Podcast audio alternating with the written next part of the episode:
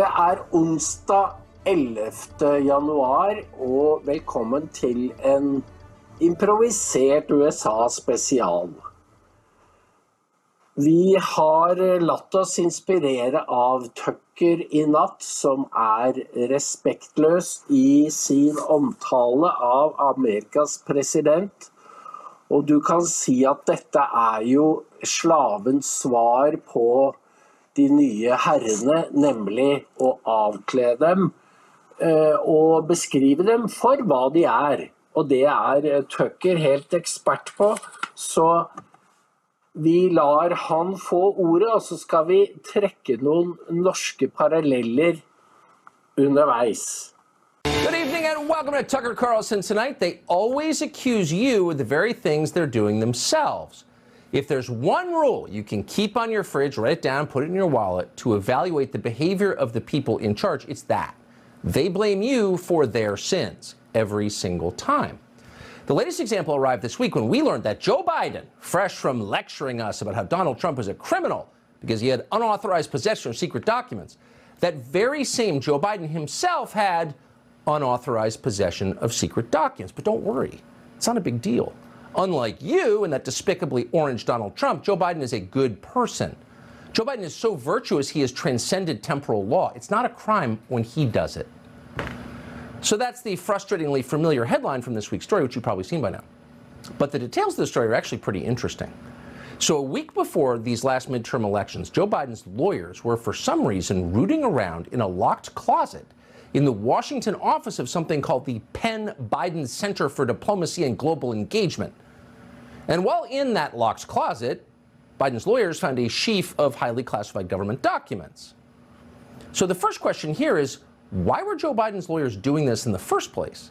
And we can't say for sure because they haven't told us, but it is weird. Lawyers don't typically search locked closets. Yours probably don't.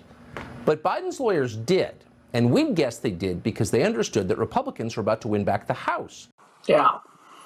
Her har vi jo denne historien som vi har skrevet om, nemlig at uh, advokater for Biden uh, skal ha lett gjennom noen lukkede rom i dette Biden Center, Biden Penn Center for Diplomacy and Global Engagement voldsomt pompøst. Og der fant de da noen hemmeligstemplede dokumenter.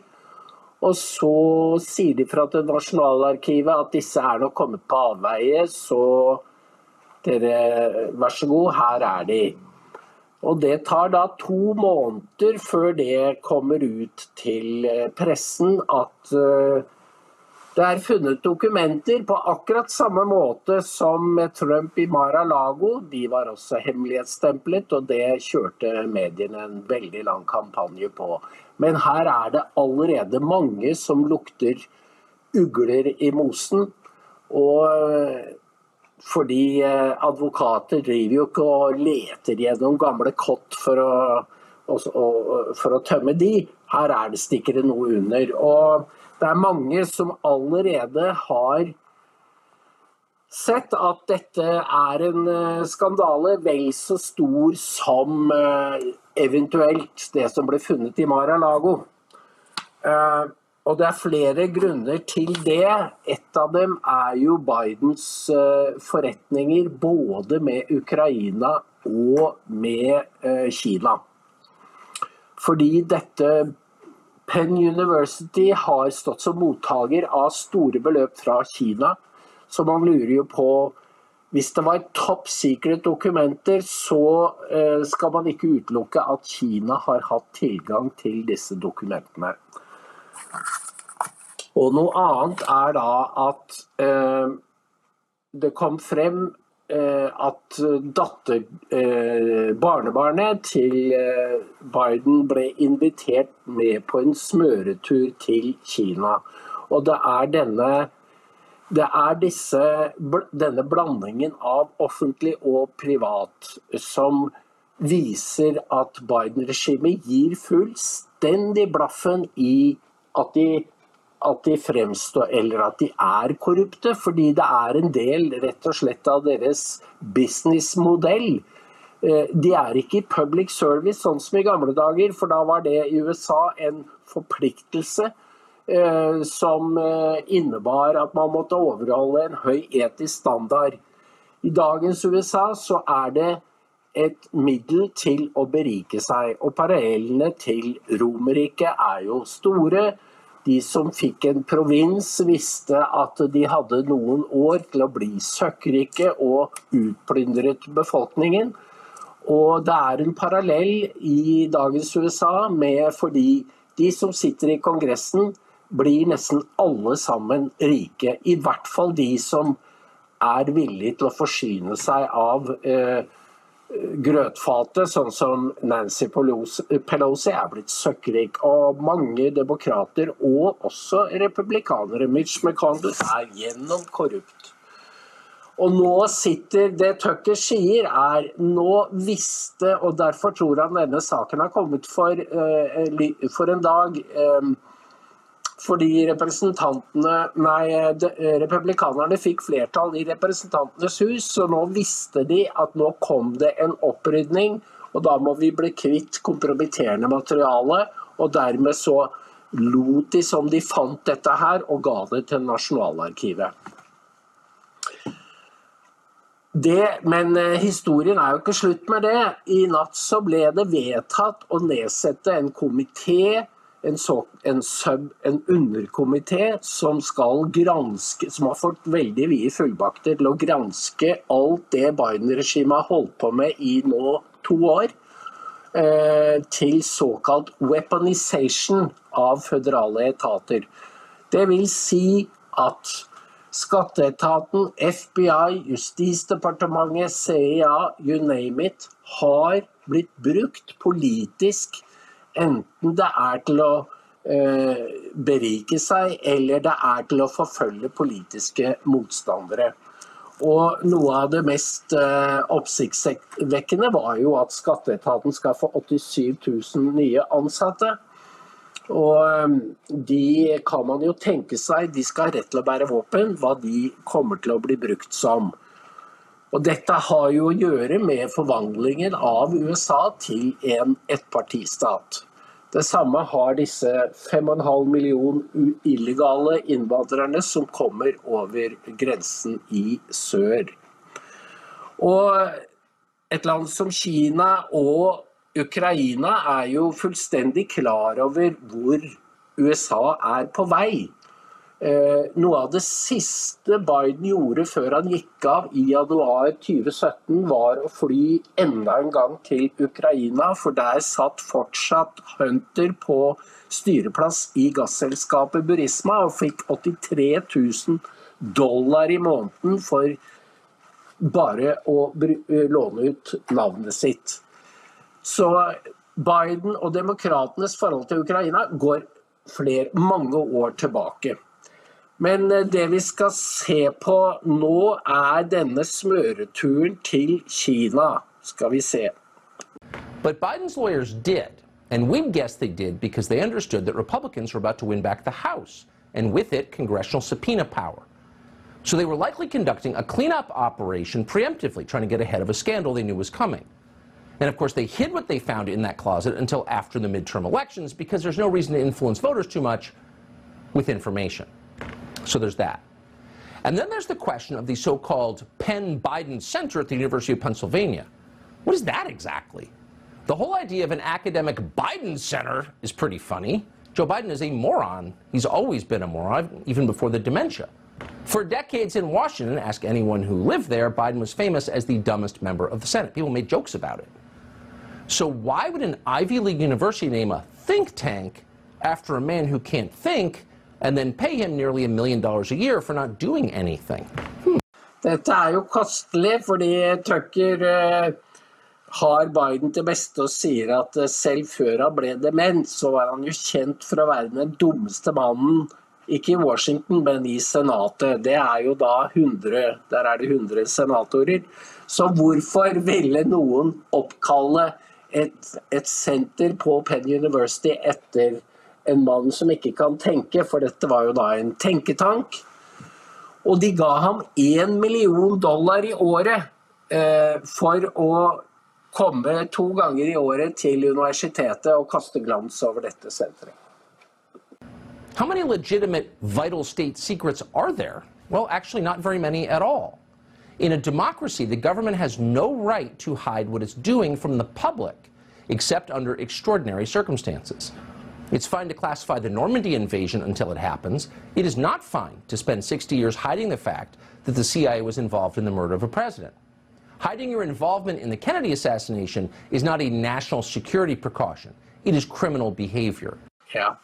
Nå sier Tucker at eh, denne korrupsjonen i et etat, en organisasjon som CIA, har jo gått så langt at man gjemmer CIAs eh, innblanding i attentatet på John F. Kennedy.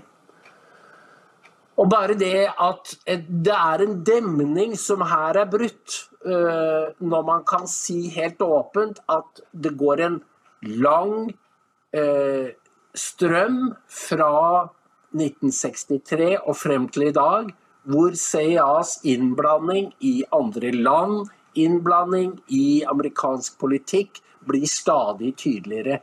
Så du kan si eh, Tucker bryter ikke lydmur, men altså, man begynner å snakke offentlig om at CIA er, tar livet av presidenter. Og det er jo i seg selv eh, et tegn på at situasjonen har modnet over så mange år at eh, noe vil skje når det kommer inn en republikansk president neste gang. And it's made possible by a classification regime that was designed not to protect this country, but to protect and enrich our permanent political class, which it very efficiently does.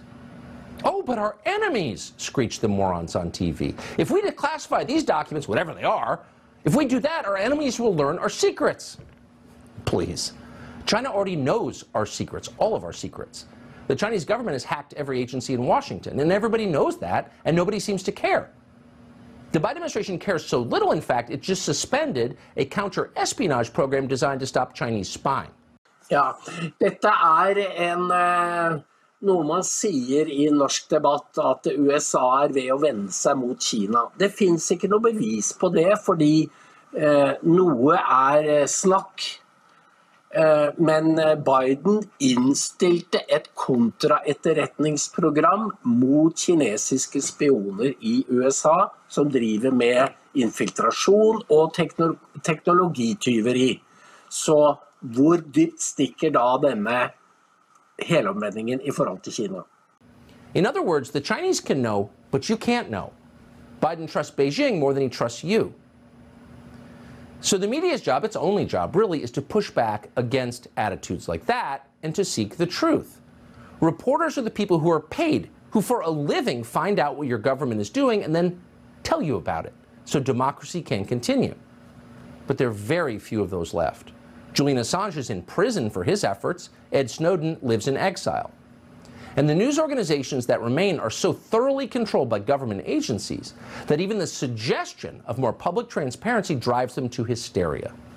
Watch CNN and MSNBC, for example, react to the news that Republicans in Congress might tell us some of what the thoroughly corrupt intel community has been doing in our name a House committee where Republicans can shred at the integrity of the federal government and tell America that your government is spying on you and coming after you, that is at the heart of this tear down, break down the government. We can't trust the government. We're going to topple it. He just gave them a committee platform to have those hearings. And you better believe that is going to be heroin in the veins of Fox News viewers over the next two years. Basically, they're establishing a subcommittee or a committee on witch hunts and deep state conspiracy theories. This is so extraordinarily dangerous. As you said, they're going to actually, these people want to target America's intel community? This is a body that, uh, of uh, the Congress that we are trying to maintain credibility with, and we are not going to do that by opening up all kinds of suspicions about the institutions in our society. Ja, Dette er ikke noe rart til at Tucker ler, for altså først har demokratene eh, brukt sikkerhetstjenestene, Justisdepartementet, Og dette begynte de jo med allerede under Obama. Og de fikk avsatt Trump pga. det. Først har de brukt disse tjenestene nå i syv-åtte år. Og så kommer republikanerne inn og sier nå er det vår tur til å grave. Og da sier demokratene dette er maktmisbruk. Dette er hevn. Dette er et misbruk av juridisk og politisk makt. Og det er klart at Og mediene backer dem 100 Eh, og da blir jo eh, hele offentligheten blir en stor tåke, og det er mange som blir eh, Mange er forvirret og skjønner ikke helt hva som foregår. Men det er mange i USA som har gjennomskuet dette her for lenge siden. Og Tucker er jo da fremragende til å være i, et, i en kanal som Fox, som aldeles ikke er det som norske medier fremstiller den som. Den er jo Rupert Murdoch, eieren, er sterkt anti-Trump, og det samme er styreformannen Paul Ryan.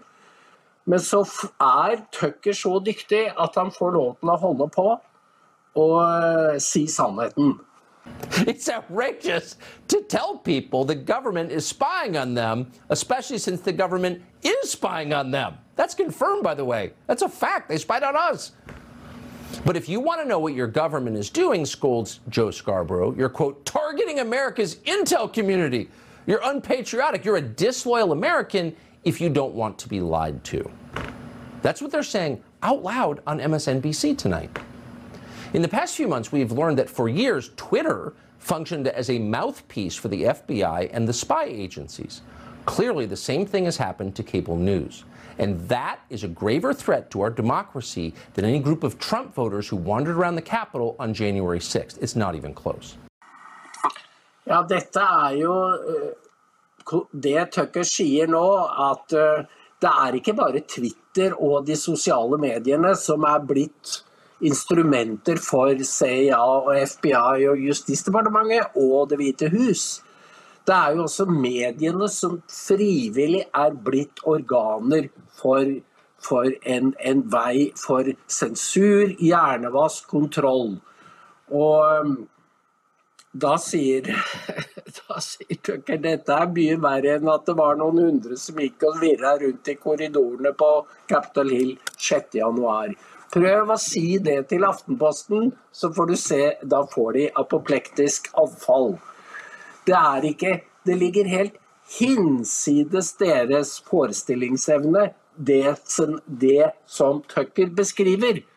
Og det i seg selv er ganske alarmerende, fordi eh, de, det er ikke plass i hodene deres til den virkeligheten som millioner av amerikanere er klar over og vil gjøre noe med, for de har ikke lyst på å bo i et diktatur. But back to our story and the hilariously obvious double standard on the question of classified documents. It was just this summer that NBC's hyperventilating House historian Michael Beschloss suggested that Donald Trump deserved the death penalty for keeping classified documents at Mar-a-Lago, fried like the Rosenbergs in the electric chair. Dette er jo også kostelig, fordi Michael Beschloss er en historiker som mediene holder seg med. Og da denne historien om dokumentene i Mar-a-Lago ble kjent, så han, eh, lurte han på om ikke Trump fortjente dødsstraff. For det er jo, står jo i forfatningen at hvis du gjør deg skyldig i landsforræderi, så er det dødsstraff. Og da sier Michael Hayden, som er tidligere sjef både for CIA og National Security Agency, at han var helt enig.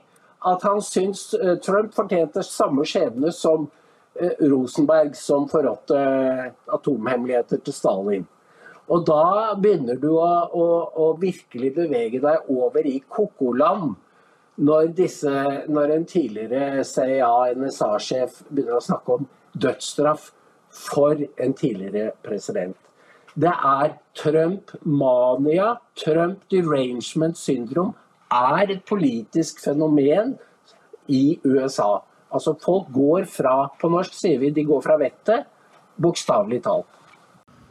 Former CIA Director Michael Hayden agreed. Sounds about right, Hayden wrote. Because at this point, it's totally normal for CIA directors to fantasize about killing American presidents. So, just for fun today, we reached out to Michael Beschloss to ask what punishment he thinks Joe Biden deserves for keeping classified documents in his office. Of course, Beschloss didn't respond to us. He was too busy applying pancake makeup in his living room for another MSNBC hit. But to be fair, it wasn't just Michael Beschloss who claimed that Trump was endangering America with those documents. They all said that. Watch the seriousness of the potential threat to national security information, I, I, just don't know what to say. If he was in possession of classified documents, those are by definition potentially harmful to our national security. We have a president of the United States who has played fast and loose with the national security. Her har du disse, disse klippene, og det er jo spilt hundre og tusenvis av dem opp gjennom Tucker og andres uh, uh, når vi har fulgt programmene. Fordi de snakker som på Q. De sier De bruker akkurat de samme uttrykkene. og det at Trump var en sikkerhetsrisiko og at det inneholdt atomhemmeligheter, det er det ingen som har bevist i det hele tatt. Men det er en lekkasje fra da Justisdepartementet til mediene som blåser seg opp. Og det er et uttrykk for eh, det vi har snakket om flere ganger, denne massehysteriet som eh, har grepet Amerika. Den demokratiske delen av Amerika, altså de progressive, har gått inn i mass formation psychosis og det er De kan bli farlige. We have a situation where what he was doing was dangerous to our national security. These are really classified and, and a really a uh, threat to national security. That really jumps out to me as a national security threat. This is a national security crisis. The extreme risk that Trump was willing to take with our national security. the funniest part was Bernstein, formerly the Washington Post, who literally participated in an FBI operation, not guessing, documented, an FBI operation to drive a sitting duly elected president from office. Carl Bernstein participated in that, and he's lecturing us about how, no, we have to keep the secret thing secret. So last night we learned that Joe Biden, someone with no power to declassify anything when he was vice president, stashed classified documents in the closet of his private office at the very same time he was sending the DOJ after Donald Trump for doing the same thing. So how exactly are our news media going to make sense of this? Well, of course, with maximum shamelessness. Today, CNN trotted out a CIA lawyer called Brian Greer to explain that mishandling classified information is no longer a big deal. In fact, Honestly, kids, it happens all the time. Det har eh, sterke anstrøk av komedie. Fordi nå Først har de da malet, malt fanden på veggen når det gjelder Trump. Og når det nå finnes eh, tilsvarende dokumenter hos Biden, så sier de er det CIA-advokater som sier ja, men alle gjør dette her. Så de må forstå at eh, det ikke er noe spesielt. Some of us who've worked in cable news for the past 25 years can affirm it wasn't always the case that every time you flipped on the tube, there was some CIA or NSA or FBI employee telling you what the truth is. Because news organizations used to assume that if someone was paid to lie for the government, they probably weren't a reliable oracle on TV. They probably weren't telling the truth to viewers. But now it's the norm.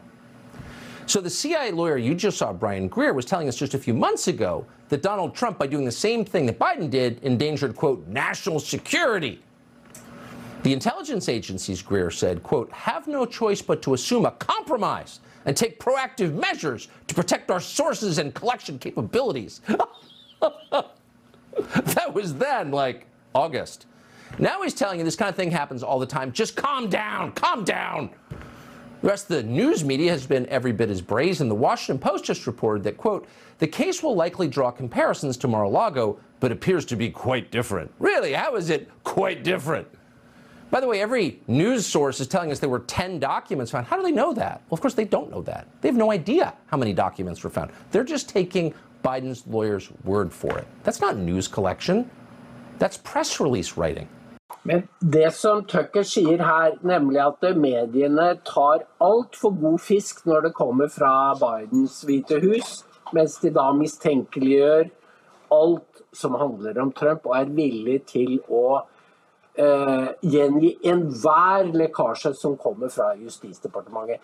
I USA så er dette meget transparent. Altså Folk forstår at det er Justisdepartementet som lekker, og at de er så politiske at det ikke er etterrettelig i det hele tatt. Men og hvorfor jeg går i detalj på dette her nå, er fordi at norske medier kjøper jo den offisielle løgnversjonen fra Bidens hvite hus, akkurat som de gjorde under Trump, hvor byråkratiet satt og lekket, lekket storyer for å kompromittere Trump. Derfor så har dette en direkte relevans for også norsk opinion.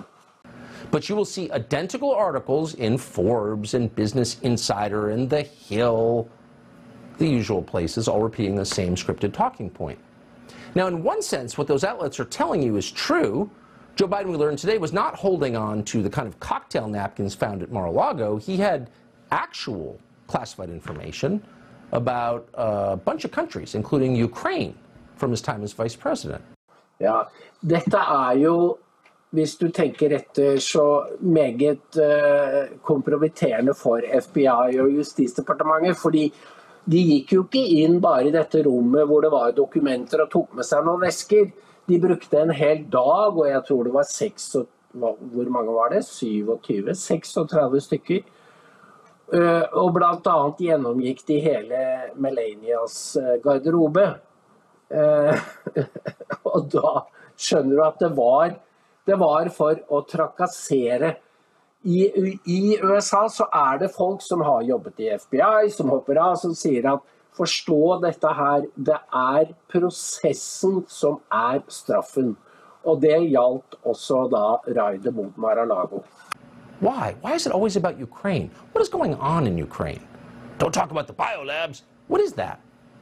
Why the obsession with Ukraine going back long before the Russian invasion of Ukraine, going back many years. Well, in this case, it turns out that three days before Joe Biden left his job as vice president in January of 2017, the Ukrainians were also a little bit confused about the focus on their country. In mid-January 2017, State Department officials circulated a report from Ukrinform, that's the Ukraine state media organization, and the report said this, and we're quoting, literally on the last days of his term, the U.S. Vice President Joe Biden is going to Kiev. How can we explain this attention to us? So even the Ukrainians were confused. Why is the President of the United States, the world's richest country, spending so much of his life focused on Europe's poorest country, Ukraine? What's going on? Well, here's one explanation. At the same moment that Joe Biden was visiting Ukraine as his last official act, his drug addicted son, Hunter, was still making tens of thousands of dollars a month in a no show job on the board of Burisma, the largest gas company in Ukraine. Natural gas, something Hunter Biden knew nothing about. Hunter Biden would hold that fake job until 2019. So, is there a connection, just guessing here, between the fact that his son was getting rich from Ukraine for a no show job and Joe Biden's 2017 trip to Ukraine on Air Force Two at your expense? You'd think there might be a connection, but so far no one in Washington has thought to really press that point. Dette har jo også relevans for vår nyhetsdekning, fordi amerikanske medier har greid å bøye fortellingen om Ukraina og demokratene, sånn at folk tror at det er Trump det er noe gærent med, og at de har hatt legitime forretninger der.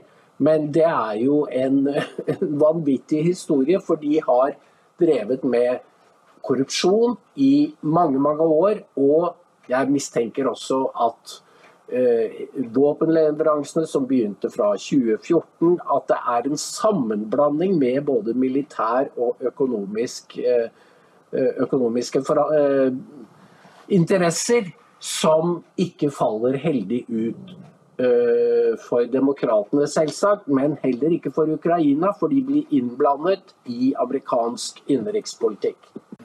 You think there might be a connection, but so far no one in Washington has thought to really press that point because they're still upset about Trump. They're still talking about Trump and his crimes. Watch Joe Biden from this past September explain why he supported the DOJ raid on Mar-a-Lago. And here's a hint because it's, quote, totally irresponsible for government officials to keep classified documents after leaving office. When you saw the photograph of the top secret documents laid out on the floor at Mar-a-Lago. What did you think to yourself looking at that image? How that could possibly happen, how one, anyone could be that irresponsible.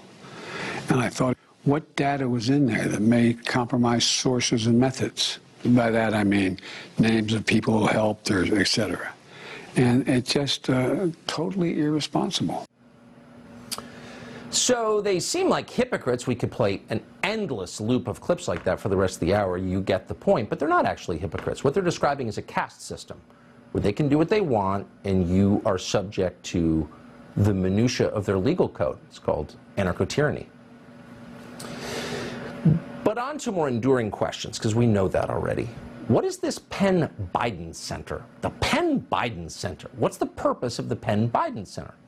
Well, in April of 2016, one of Hunter Biden's business associates explained the purpose in an email to Hunter. He said that the Penn Biden Center, quote, operates like the Clinton Global Initiative without the money raise.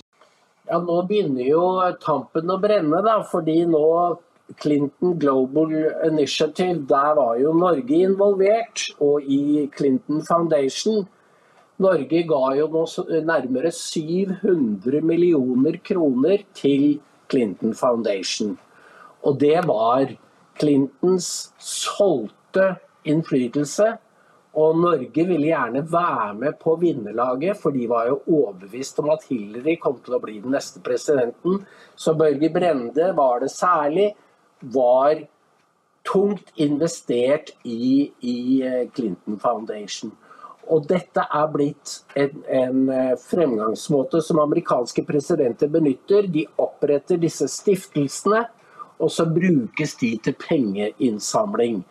Og hva den ene hånda vasker den andre. Og Norge har så mye penger at vi har råd til det, men det er bare det at vi blir også kompromittert. Eh, for dette er korrupte politikere.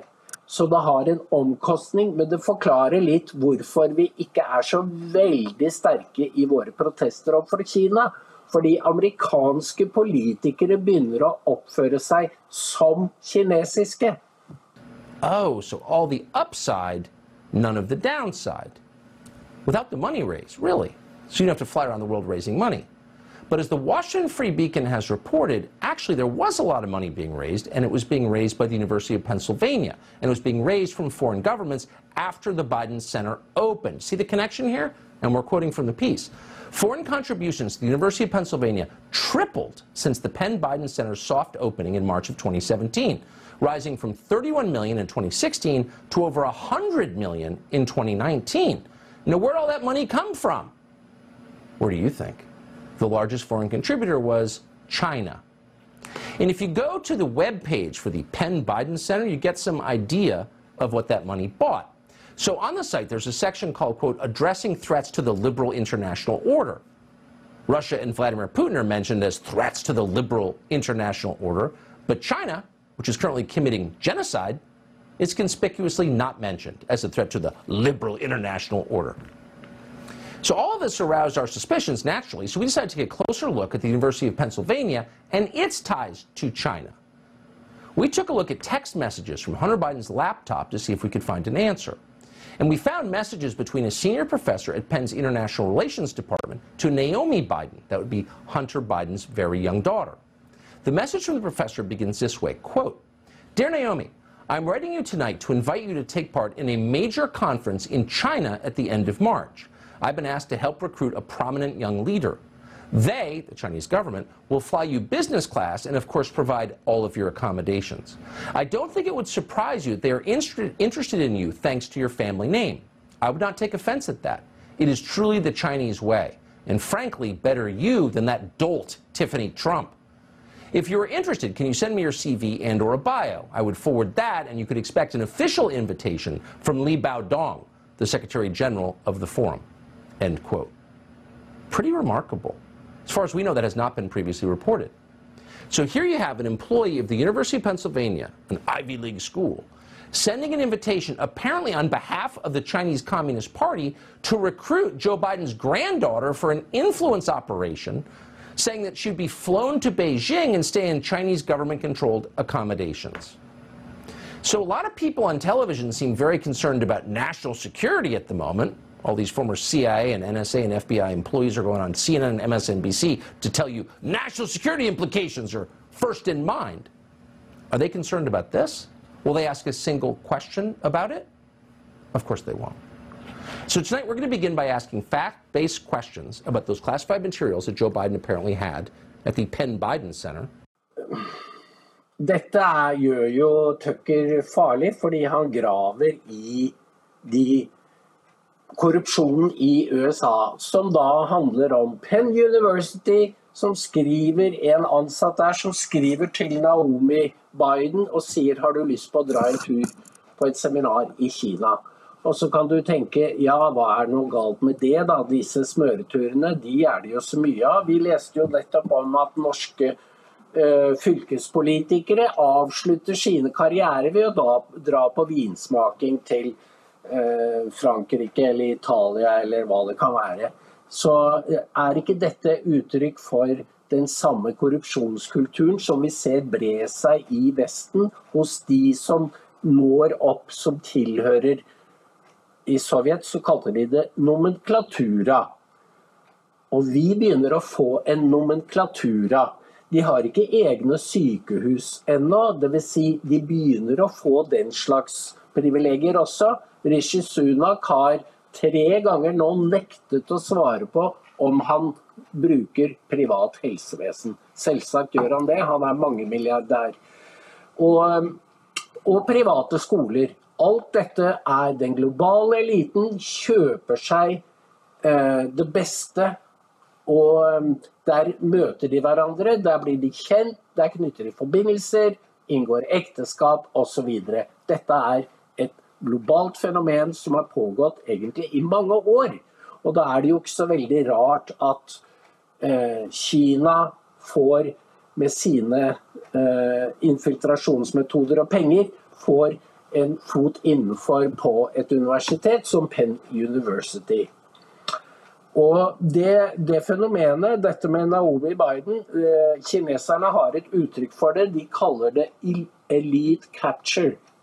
Altså de, er, de, vet at eliten i Vesten er så svak for å bli bestukket, og det gjelder dyre middager, dyre reiser, uh, shopping, uh, seminarer, hoteller, you name it. Alt det som, som eliten liker å gjøre.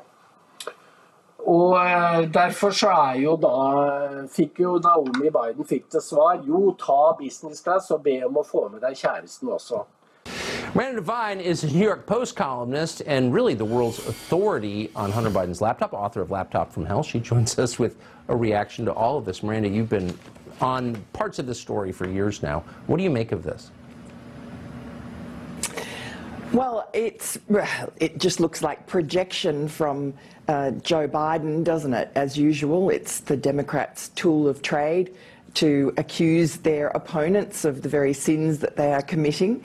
Um, it's a little obvious in this case now, and you just wonder uh, why it's come out and really what the true story is about yes. these confidential documents.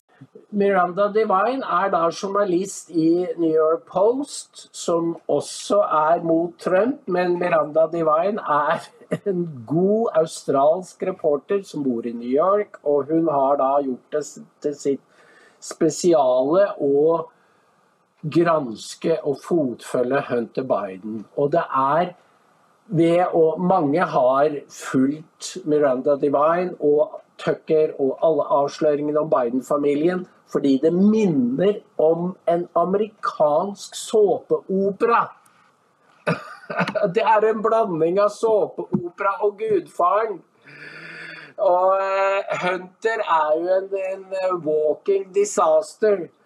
Eh, så bare det at demokratene og mediene har valgt å beskytte denne familien, gjør jo at de synker som stener. Fordi folk ser jo at dette er en syk, dysfunksjonell familie som hvis mediene hadde operert som normalt, så ville jo Hunter aldri blitt valgt. Og det ble han ikke heller. Han ble jukset inn. Så nå er vi på mange måter ved slutten av denne sagaen, og hvis han skulle være så gæren at han stiller i 24, og han har sagt at han skal holde familieråd nå ganske snart, og det er mulig han hadde det nede på Saint-Croix, en av eh, jomfruøyene, nå i, i jula. Eh, så er det liksom duket for, jeg vet ikke En tredjedel sier at de ville vurdert å stemme for han, men eh, jeg tror selv ikke valgjuks kan eh, vinne en ny termin for, eh, for Biden. Um, but as far as the University of Pennsylvania goes, there's a long, incestuous, symbiotic relationship with the Bidens. Joe Biden, uh, you know, he got his grandchildren in there, he got the children of friends in there. He treated it as uh, his own little playpen. And of course, when he stepped down from being vice president, uh, he was paid almost a million dollars by the University of Pennsylvania. He put his name on that supposed think tank. Um, and uh, in return, I suppose, his name attracted a lot of China Chinese money. Uh, as you just said, there was, uh, you know, the amount of money that came in uh, from China to the university after Joe Biden opened that um, think tank uh, quadrupled, almost quadrupled. It went from about 20 million to um, uh, over 70, almost 75 million.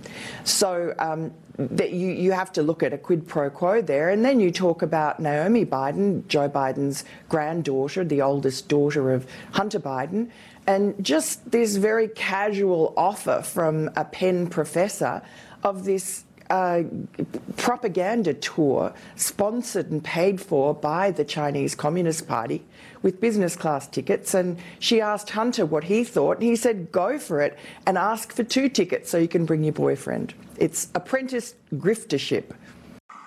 It's, it's just beyond belief and happening out in public. Uh, of course, you know that because you've been dealing with this Ja. Dette er grifter, altså det er å karre til seg. Og når Naomi, som da er datter av Hunter Biden, spør pappaen skal jeg ta imot dette tilbudet om business class til Beijing, så svarer, hun bare go, svarer han 'go for it' og tar med kjæresten. Og dette som Miranda var å det skjer i full åpenhet, og de bryr seg ikke. Det er det som er det alvorlige for oss. Fordi vi kopierer amerikanernes metoder.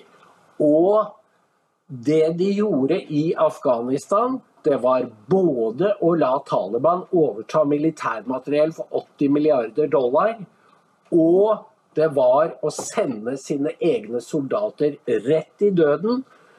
Og det var å svikte tusenvis av afghanere som hadde hjulpet amerikanerne i de 20 årene de var der.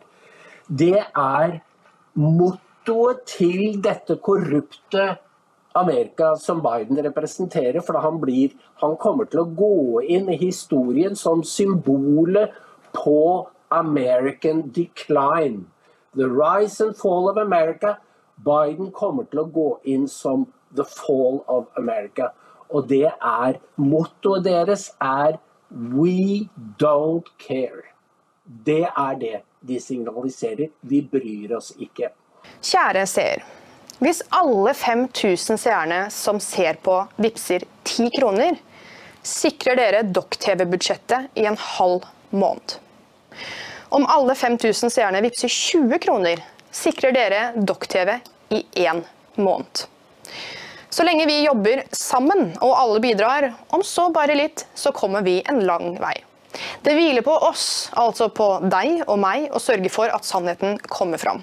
Og at Document bevarer sin rolle som det medier egentlig skal være, en vaktbikkje. Uten dere så klarer ikke vi det. Og uten oss så sitter dere igjen med medier som løper myndighetenes ærend. Vips til 638941. 638941. Fordi ditt bidrag gjør en enorm forskjell. Men da er vi kommet over til den norske biten av denne intro, denne introspeksjonen av amerikansk politikk, fordi det er nemlig en connection. Og hva er connection mellom Norge og norsk politikk og Penn University? Jo, den heter Nicolai Tangen. Fordi Jeg vet ikke om dere husker det, Dan, hvis vi kan få opp da artikkelen som vi skrev i april eh, 2020. Det er ikke så lenge siden. Eh, ja, blir tre år nå, da. I april. Om tidenes smøretur, som VG avslørte, det var oppsiktsvekkende at VG kunne trykke denne artikkelen. Fordi eh, konserndirektør i Skipsted, Kristin Skogen Lund, var jo med på turen. Eh, og dette er bare mulig i Norge fordi vi er så ufattelig naive. Og det gjelder ikke bare den vanlige kvinne og mann som er naiv, det gjelder jo også de som var med på denne turen.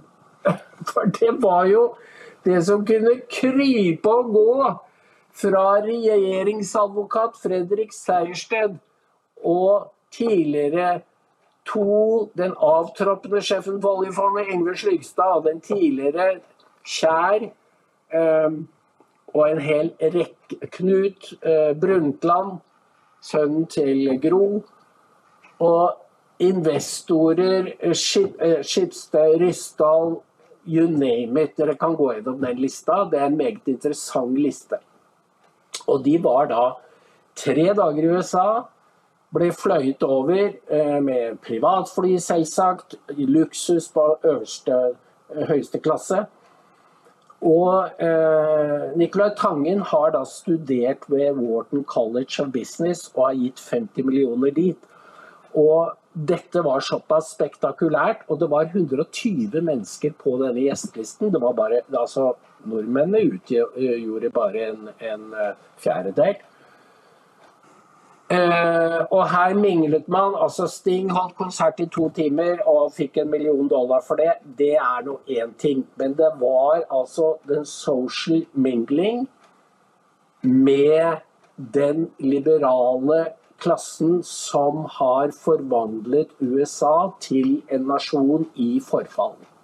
Det var, og samtidig skulle det kjøpe Nicolai Tangen eh, mulighetene for å etterfølge Slyngstad som oljefondsjef, og det ble han jo.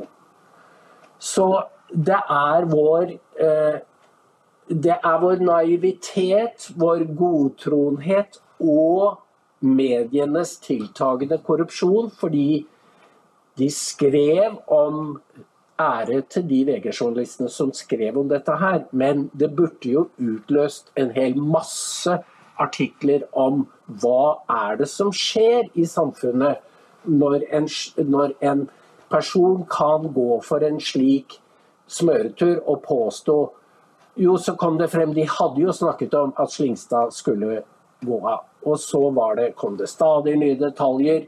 Neste omgang så var det eh, Tangens formue. Hva kom han til å gjøre med den? Han var god for 8 milliarder. Og sånn holdt de på. Og det var noe av det samme som med Han fikk jo jobben, som dere vet. Det var noe av det samme da eh, det skulle utnevnes en ny eh, sentralbanksjef. Og da var det jo Jens. Og det er noe av det samme at det er en liten gruppe mennesker. Og da var det noe av det samme. Jo, han og Støre og Tangen de hadde jo spist en middag sammen, men de hadde ikke snakket om osv. Flere og flere avsløringer av at det hadde vært kontakt. Eh, men eh, så var det det med krigen da, som kom og forstyrret. og så ble det Ida eh, Vollen Bakke isteden. Um, men det er ikke Det var Nato som kallet. Det var det som gjorde at eh, Jens ikke fikk denne, fikk denne, denne jobben.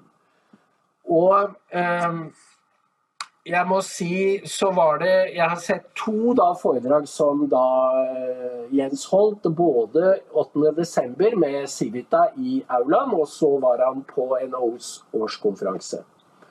Og det som er karakteristisk, er mangelen på kritiske spørsmål. Eh, De kunne jo ikke stille det på årskonferansen, for der holdt han en, en tale på en 20 minutter. Men de satt, Eirik Løkke fra Civitas satt og intervjuet han i 40 minutter på scenen i aulaen, og det kom ikke et kritisk spørsmål. Neimen, nei, hei! Er du også lei av hei, hei, Er du også lei av ekkokammer? ekkokammer? Det er vi også. La oss bekjempe ekkokammeret sammen. La oss si ifra om de tingene som ikke er bra i samfunnet vårt. Du kan bidra med det. Du kan vippse et bidrag til 638941, eller donere til oss via en av de andre metodene vi har listet opp på skjermen. Ditt bidrag gjør en enorm forskjell, slik at vi kan nå ut med sannheten. Takk. Fordi vi er i denne kosemodusen i Norge. Vi skal ha det hyggelig. Og da blir vi helt da blir vi løpt over ende. Da klarer vi ikke motstå den korrupsjonen og den nettverksbyggingen som utstråler fra de nye maktsentrene. Dette er det viktig å forstå, fordi de som styrer, som Jens Stoltenberg, som Støre, som Nicolai Tangen, de spiller på den sosiale kapitalen som finnes i Norge. Det finnes en slik, nemlig. Og den handler om at vi er en liten nasjon på bare noen få millioner mennesker som kjenner hverandre. Alle kjenner noen som kjenner hverandre. Og man kan utnytte dette her til å avansere ikke bare sin egen karriere, men sentrumsmakt. Og i dag fikk vi da et eksempel på det, fordi Jens var i Brussel, og der hadde han besøk av eh, Ursula von der Leyen og han Miquel og uh, belgieren. Og de uh, har inngått en samarbeidsavtale mellom Nato og EU. Og hva gjelder den? Jo, den gjelder samarbeid om å beskytte kritisk infrastruktur. Dette er samme fremgangsmåte som i forhold til ACER. At du tar ett om saksområde og i dette tilfellet eh, infrastruktur. Eh, og så innleder du et samarbeid, og så fordyper du samarbeidet. Og til slutt så har du nesten en union, og da smelter Nato og EU sammen. sammen de integreres. Og da vil jo I realiteten så er det gjennom denne prosessen at vi blir medlem av EU. Det er bare en formsak, så er vi medlem. Og det er ingen som spør det norske folk, og kommer til å spørre ja, men har ikke dere sagt nei to ganger? Og hva med EØS? Alt, og Hvis dere hører, hørte på Støre i spørretimen i dag, så var det en arroganse overfor de som stilte han spørsmål. Fordi han bare han ga dem egentlig kilevinker og sa bare, bare sett dere fordi vi har makta og vi skal bruke den. Og det er at det ikke er noe alternativ til utenlandskabler. Vi skal sende strømmen til Europa. Vi er de nye herrene. Vi er de nye herrene. Vi er stattholdere i Norge for den nye makta. Og dere har ingenting dere skulle sagt. Det er kort og godt budskapet. Så vi er tilbake til noe som kan minne om en ny føydalisme. Og um, dette er det mange som ser, men de har kanskje vondt for å si det. Eh, så det er veldig viktig at vi sier det. Og det er da den rasjonelle avsløringen, diskusjonen i USA, som Tucker har vært helt fremragende på. Og når du leser om hvordan Kina har brukt eh, elite capture og pengemakt til å kjøpe seg innflytelse, så forstår man at Norge spiller nå i en mye høyere divisjon enn vi noen gang har gjort, pga. invasjonen pga. gassen som vi eksporterer. Men det er ikke slik at det er ikke sånn friend foe, nå er Kina sint på, nå tar de avstand fra. Jens sa jo det med rene ord. Kina har ikke tatt avstand fra, fra invasjonen. Uh, og det er ikke på det nivået det utspiller seg. Men, det, men, de bruker også krigen til å piske folk til å finne seg nesten hva det skal være, for at vi ikke skal stille spørsmål. Vi i Dokument stiller spørsmål fordi det er det journalistikk handler om. Vi bruker huet, for hva skal vi ellers bruke det til? Det er mitt sluttord i dag. Og så får Dan redigere dette så godt han kan.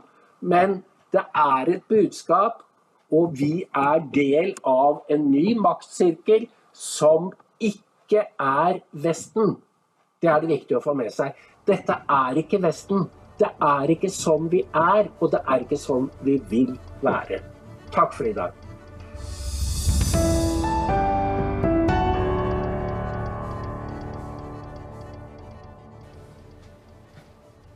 Neimen, hei! Har du også antistatlige holdninger? Ja, da har du kommet til rett sted. Da er Dokk-TV noe for deg. Men for at vi skal kunne lage Dokk-TV, så er vi avhengig av din støtte. Vips et bidrag til 63 89 41. Takk. Husk å vips, ellers så kommer klimatrollet og tar deg! Og jorden går under. Dette blei langt. Ja, det kan du si. Og det ble også veldig sent. Vi sendte denne klokken tre i natt. Og til alle dere som sitter og ser på, dere er virkelig patrioter. Nå må dere få dere noe søvn. Og hei, det er en hel del folk som har sett dette dagen etter. Dere har sikkert stått opp og fått med dere i sendingen, denne kjempesendingen Hans gjorde. Tusen hjertelig takk. Husk å vippse til 638941. For nå ligger vi, som dere sikkert så i søylen, veldig langt etter på januarbudsjettet for Dokk TV. Men det er to ting som trengs. Dere må ville, og dere må ha råd til det. Tusen hjertelig takk. Ny dag og nye muligheter. Men nå må jeg få meg litt søvn. Vi ses.